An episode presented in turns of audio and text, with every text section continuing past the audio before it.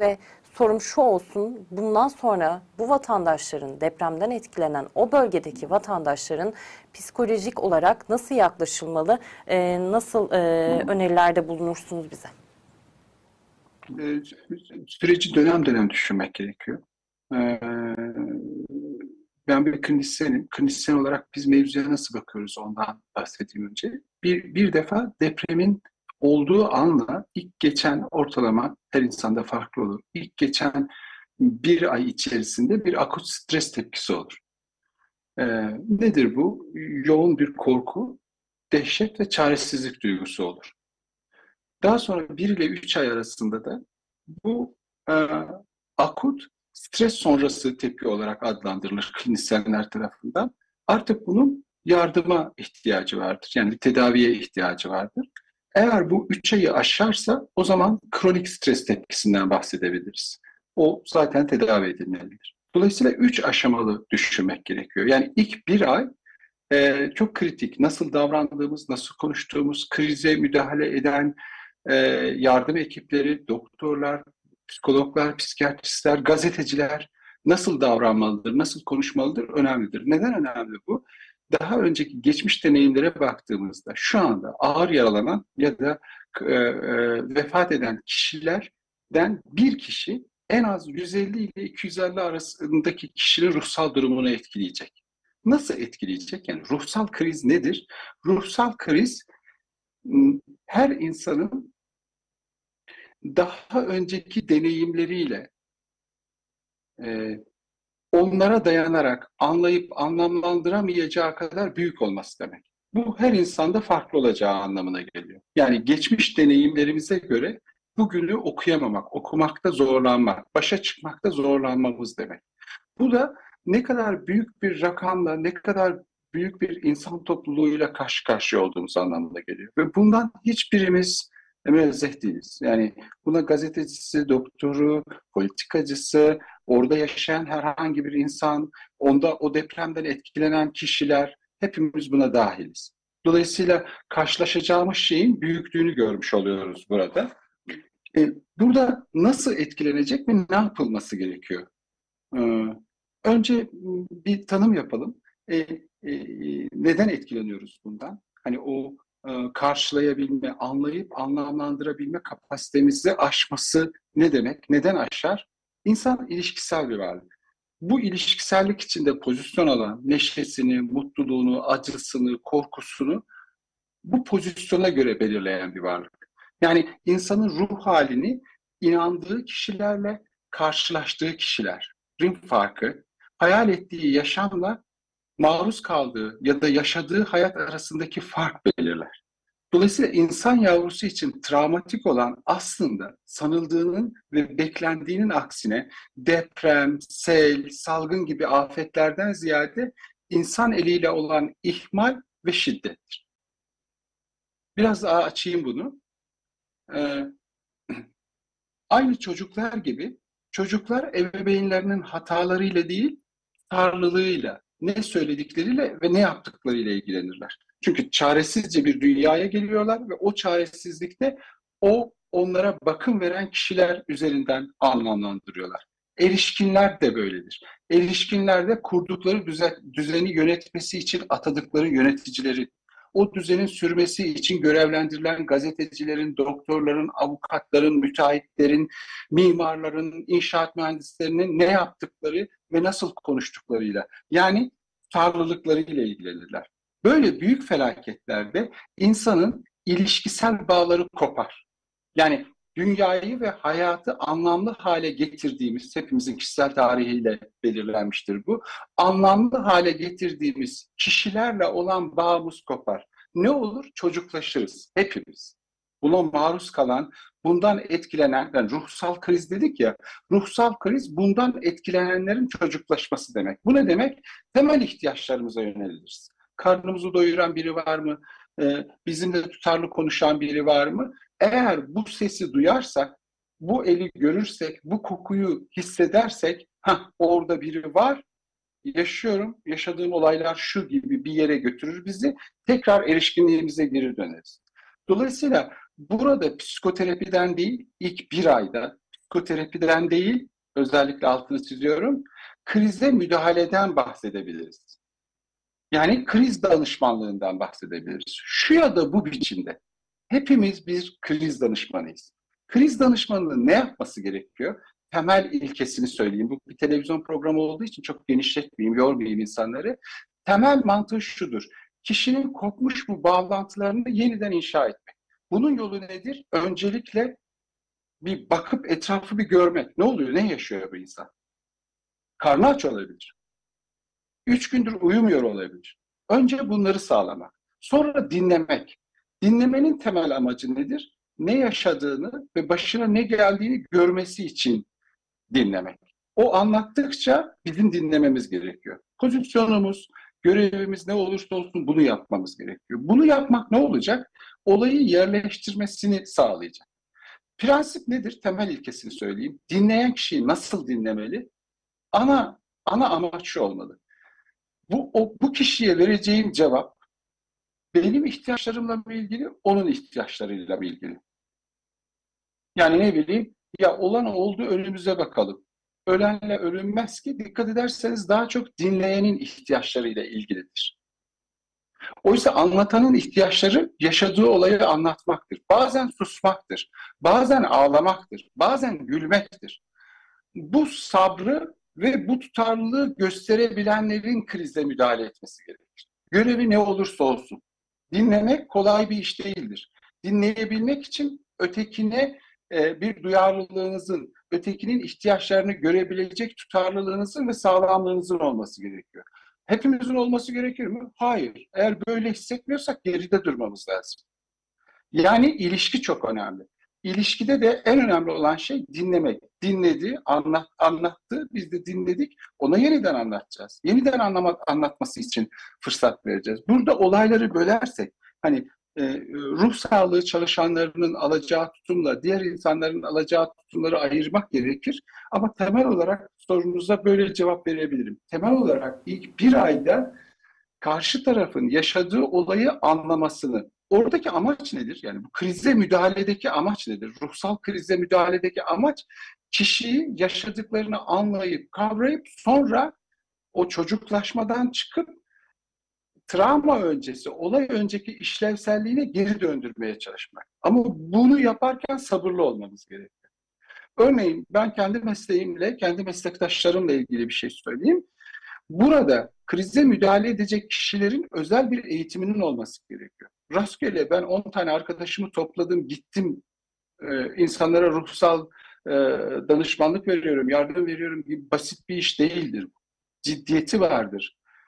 E, nedir ciddiyeti burada? Travmada hepimiz mekan ve zaman algısını yitiririz. Travmadan etkilenen kişiler için hepimiz de. Mekan ve zaman algısını geri getirmeye çalışacağız. Bunu yaparken de kendimizin mekan ve zaman algısını kaybetmememiz gerekiyor. O yüzden bunun bir koordinasyon ve planlama dahilinde olması gerekir. Yani ruh sağlığı çalışanlarının bir kuruma bağlı olarak oraya gitmesi gerekir. Krize müdahale ettiğiniz kişiyle en fazla bir ya da iki kere görüşebilirsiniz. Bu muayenehanenizde, hastanedeki görüşme odanızda yaptığınız görüşmeye benzemez. Farkları vardır. Bazen koşullar çok ağırdır. Ee, bir koltuğa oturur, siz de bir koltuğa oturur gibi yaptığınız bir görüşme değildir bu. Bazen bir ağacın altında olur, bazen bir parkta olur. Bazen herkesin olduğu e, mahremiyeti gizleyemeyeceğiniz bir spor salonunda olur. E, ve yapacağınız görüşmede kişiyi etkilemeyecek, süreklilik duygusunu bozmayacak nitelikleri taşıması gerekiyor. Dolayısıyla e, e, yönetenlerin, yöneticilerin, koordine edenlerin bunun buna çok dikkat etmesi gerekiyor. Yani bireysel motivasyonlarla yapılacak bir iş değildir bu. E, bir şey nedir amacı? E, ben mesela hiçbir programa yazı yazarak çıkmam. Çok nadirdir. Ama bu programa not alarak çıkıyorum. Neden? Zaman ve mekan algımı kaybedebilirim. Ne olur travmatik olan kişi? Be, düşünce ve duygu seline kapılabilir. Belli olaylarda, belli konularda zihni fikse olabilir, oraya sabitlenebilir. Bir politikacının konuşması, e, yardım etmesini beklediği bir kişinin yardım etmemesi, e, müdahalelerdeki eksiklikler ya da kendi ihtiyaçları ya da konuyla tamamen bağımsız bir yere gidebilir. Dolayısıyla e, krize müdahale eden kişinin hep bu bir bilgi ve bilinçle hareket etmesi gerekiyor. Yorulduğunda da dinlenmesi gerekiyor. Örneğin e, bu süreçte gördüğüm olumlu şeyleri söyleyeyim. Ben bütün yaşamım boyunca ilk kez bu düzeyde bir yardımlaşma ve dayanışma gördüm. Bir başka olumlu şey, demek ki Türkiye bu konularda artık çok deneyim kazandı. Bölücü, ayrıştırıcı, dışarıda bırakıcı hiçbir söyleme kulak asmadı. Efendim siz şöyle şöyle yaptığınız için deprem oldu. Siz sağcısınız, solcusunuz, Müslümansınız. Böyle şeylere tevessül etmedi halk. Artık çok deneyimliyiz. Bunlar çok olumlu şeylerdi. Ama diğer taraftan gördüğüm eksiklikler şuydu, koordinasyonda yetersizliklerimiz vardı. Olabilir ama oldu. Olmasa daha iyi olur. Ee, yani çok kötü oldu diyemem ama biraz daha iyi olabilirdi. Diğer taraftan krize müdahale etmek demek sadece ruh sağlığı profesyonellerinin işi değildir. Krize müdahale eden kişilerden görevli olanlar, gazeteciler, kamu görevlileri, politikacıların da krize nasıl müdahale edeceğini bilmesi gerekir. Nedir bu bilgiler? Basitçe söylersek dinlemeyi bilmesi gerekiyor. Kişinin hangi ruh halinde olduğunu anlaması gerekiyor ve müdahalelerini ona göre yönlendirmesi gerekiyor. Dolayısıyla ruh sağlığı çalışanları zaten bu eğitimi alıyor. Almayan kim? Mühendisler, gazeteciler, politikacılar, siyasetçiler, kamu görevlileri. Onların alması gerekiyor. E, gibi aklıma ilk gelenleri böyle söyleyebilirim. Çok teşekkürler Agah Bey. Bağ kurmanın önemini aslında anlattınız da çok önemliydi en azından ben dinlerken böyle biraz çok uzun zaman sonra sizi dinlerken biraz kendimi böyle biraz rahatlamış da hissettim. Yani huzur bulmuş hissettim bir noktada. Ama şunu merak ediyorum. Bir noktada da haberlerde hep bir kıyaslama görmeye başladık. Yani anlatılarda, sayılarda hep bir 99 depremiyle kıyaslama var Agah Bey. İşte 99 depreminden daha fazla ölü sayısı, 99 depreminde böyleydi, şimdi böyle oldu. Şimdi 99 travmasını yaşayan bir sürü arkadaşımız, tanıdığımız insanlar, akrabalarımız, hala hayatta olanlar var. Bunlar ya bu kişiler nasıl etkileniyor bu e, yeni depremden yani bir hafta önce meydana gelen depremden diye sormak isterim. Çünkü zaten onlar hali hazırda 24 senede geçmiş olsa üzerinden o travmayı atlatamadılar. Hep bir korkuyla yaşıyorlar. E, işte ben yakın arkadaşlarımdan biliyorum hala bir avize korkusu üzerine geceleri yatarken giydikleri giyeceklerden tutun telefonlarını nereye koymalılar bir, bir sürü aklınıza gelebilecek şey siz benden daha iyi biliyorsunuz. Bunların bu kişilerin e, psikolojisi nasıl etkileniyor e, diye sormak isterim. Ya da bu kıyaslama, böyle bir kıyaslama yapmak doğru mu? Bizler de yapıyoruz bazen. Ama ne kadar doğru? Biraz onu sormak istiyorum aslında size. E, teşekkür ederim Serem Hanım. E, ben ekranda göremiyorum. Galiba soruyu siz sordunuz. Evet ben sordum evet, doğru. Evet, evet, evet. E, şimdi bu söylediğiniz dedim ya ruhsal kriz, psikolojik kriz şu demektir. Daha önce bildiklerimize, anladıklarımıza dayanarak yorumlayamadığımız olay demektir. Dolayısıyla çok doğal bir süreç bu. Kaçınılmaz olarak daha önce bildiklerimize dayanarak bugünü anlamaya çalışıyoruz. Bu yetersiz kaldığında da travmatize oluyoruz. Kocaeli depremi bugünü anlamamıza yetiyor mu? Zor yetiyor. Çünkü Kocaeli depreminden sonra yapılanlar, takipler e, e, de bir eksiklikler oldu. Hepimiz biliyoruz. Mesela Kocaeli depreminden dersler çıkarsaydık bugünkü depremde kayıplarımız muhtemelen daha az olacaktı. Öngörmek çok zor ama dolayısıyla bu kaçınılmaz. Ee, ama ilk bir ayda krize müdahale ederken amaç bir karakter değişikliği ya da kişinin yaşadığı olaylara göre bir e, e, travmalara, geçmiş travmalarına bir içgörü geliştirmesi değildir. Yani genellikle psikoterapinin prensibi budur ya. E, bir, biraz açayım burayı. Bütün travmalar geçmiş travmalarımızın üstünde sahnelenir. Yani e, Sahra siz ya da ben bu olaydan farklı farklı şekillerde etkileneceğiz. Aynı olayı yaşayacağız ama üçümüzün de anlama, değerlendirme, yorumlama durumu kendi kişisel tarihimizde değişecek. Ama bu bugünün meselesi değil. Bu belki bir ay sonra, belki üç ay sonra kişilerin semptomları, sıkıntıları, şikayetleri, uykusuzlukları sürerse ele alınabilecek bir konu.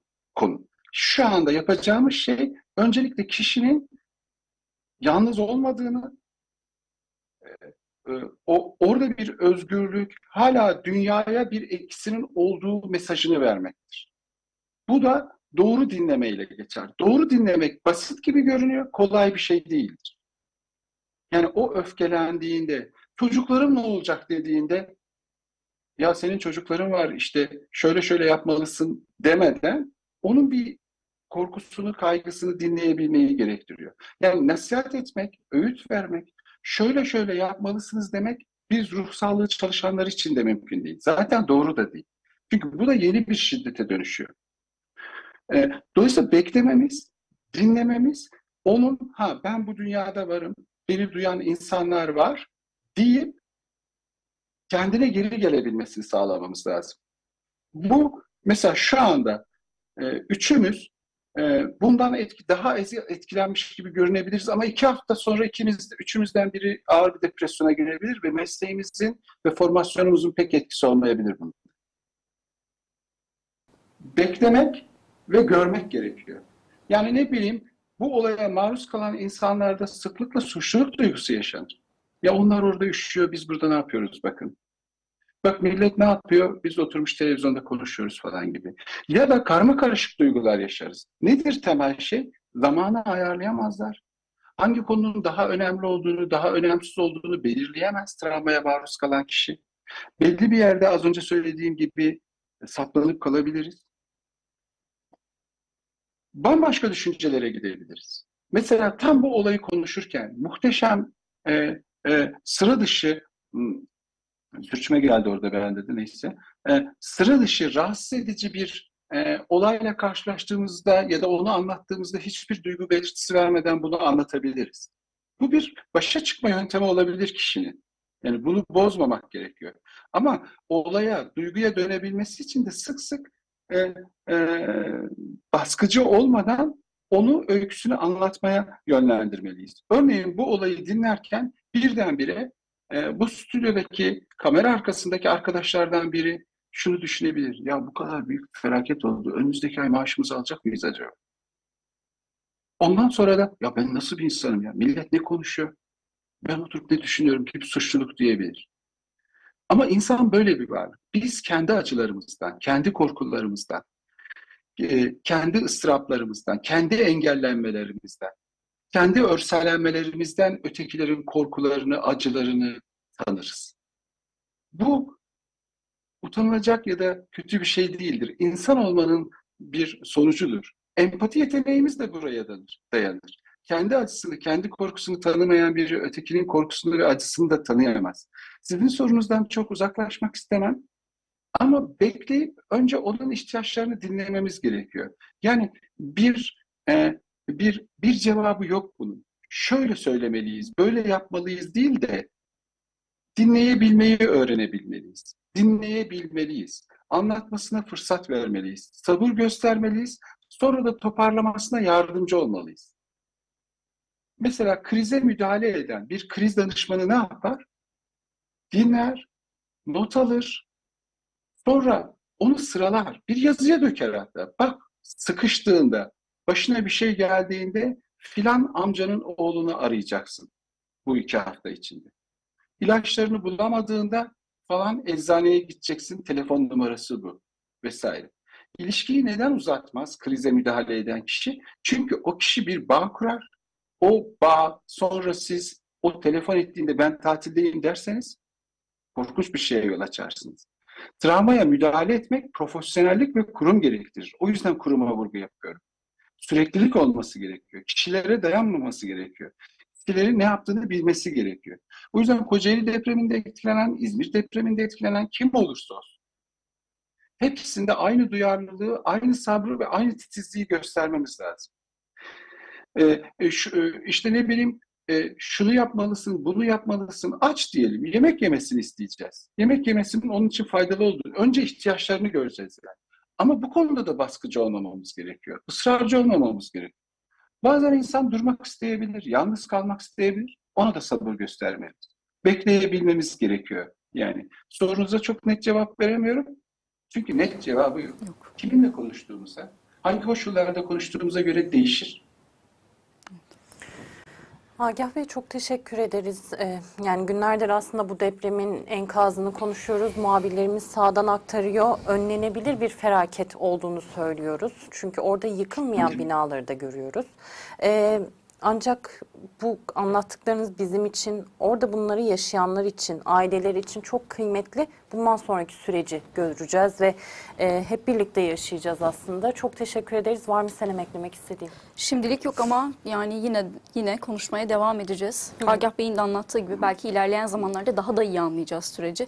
Dolayısıyla ben çok teşekkür ediyorum e, verdiği bilgiler Ben için. teşekkür ederim. Umarım e, birlikte bir- birilerine ulaşabilmişizdir. Bir cümleyle bir şey eklemek Tabii, istiyorum. Çocuklar, zihinsel engelliler, az önce söylediğim dinleme konusunda özel bir beceri gerektirir. Orada zorluklar vardır. E, Duruma, krize müdahale eden kişilerde çocuklarla konuşurken, bu profesyoneller için adı başkadır bunun, oyun terapisi falan filan deriz ama yine de bununla baş başa kalabiliriz. Onlara bir kalem kağıt vermek, yaşadıkları olayı çizmesini sağlamak, e, rüyalarını anlatmasını sağlamak, çizdiği şeyleri yeniden anlatmasını sağlamak, anlattıklarını ona yeniden anlatmak da oradaki korku ve kaygılarını anlamasını e, sağlayabilir. O özel grubu da vurgulama ihtiyacı duydum. E, Hepimize geçmiş olsun. İyi yan- yayınlar dilerim. Çok teşekkür ederiz. Dagi Haydın anlattı bize aslında e, deprem travmasıyla nasıl başa çıkarızı düşünüyorduk biz de az bir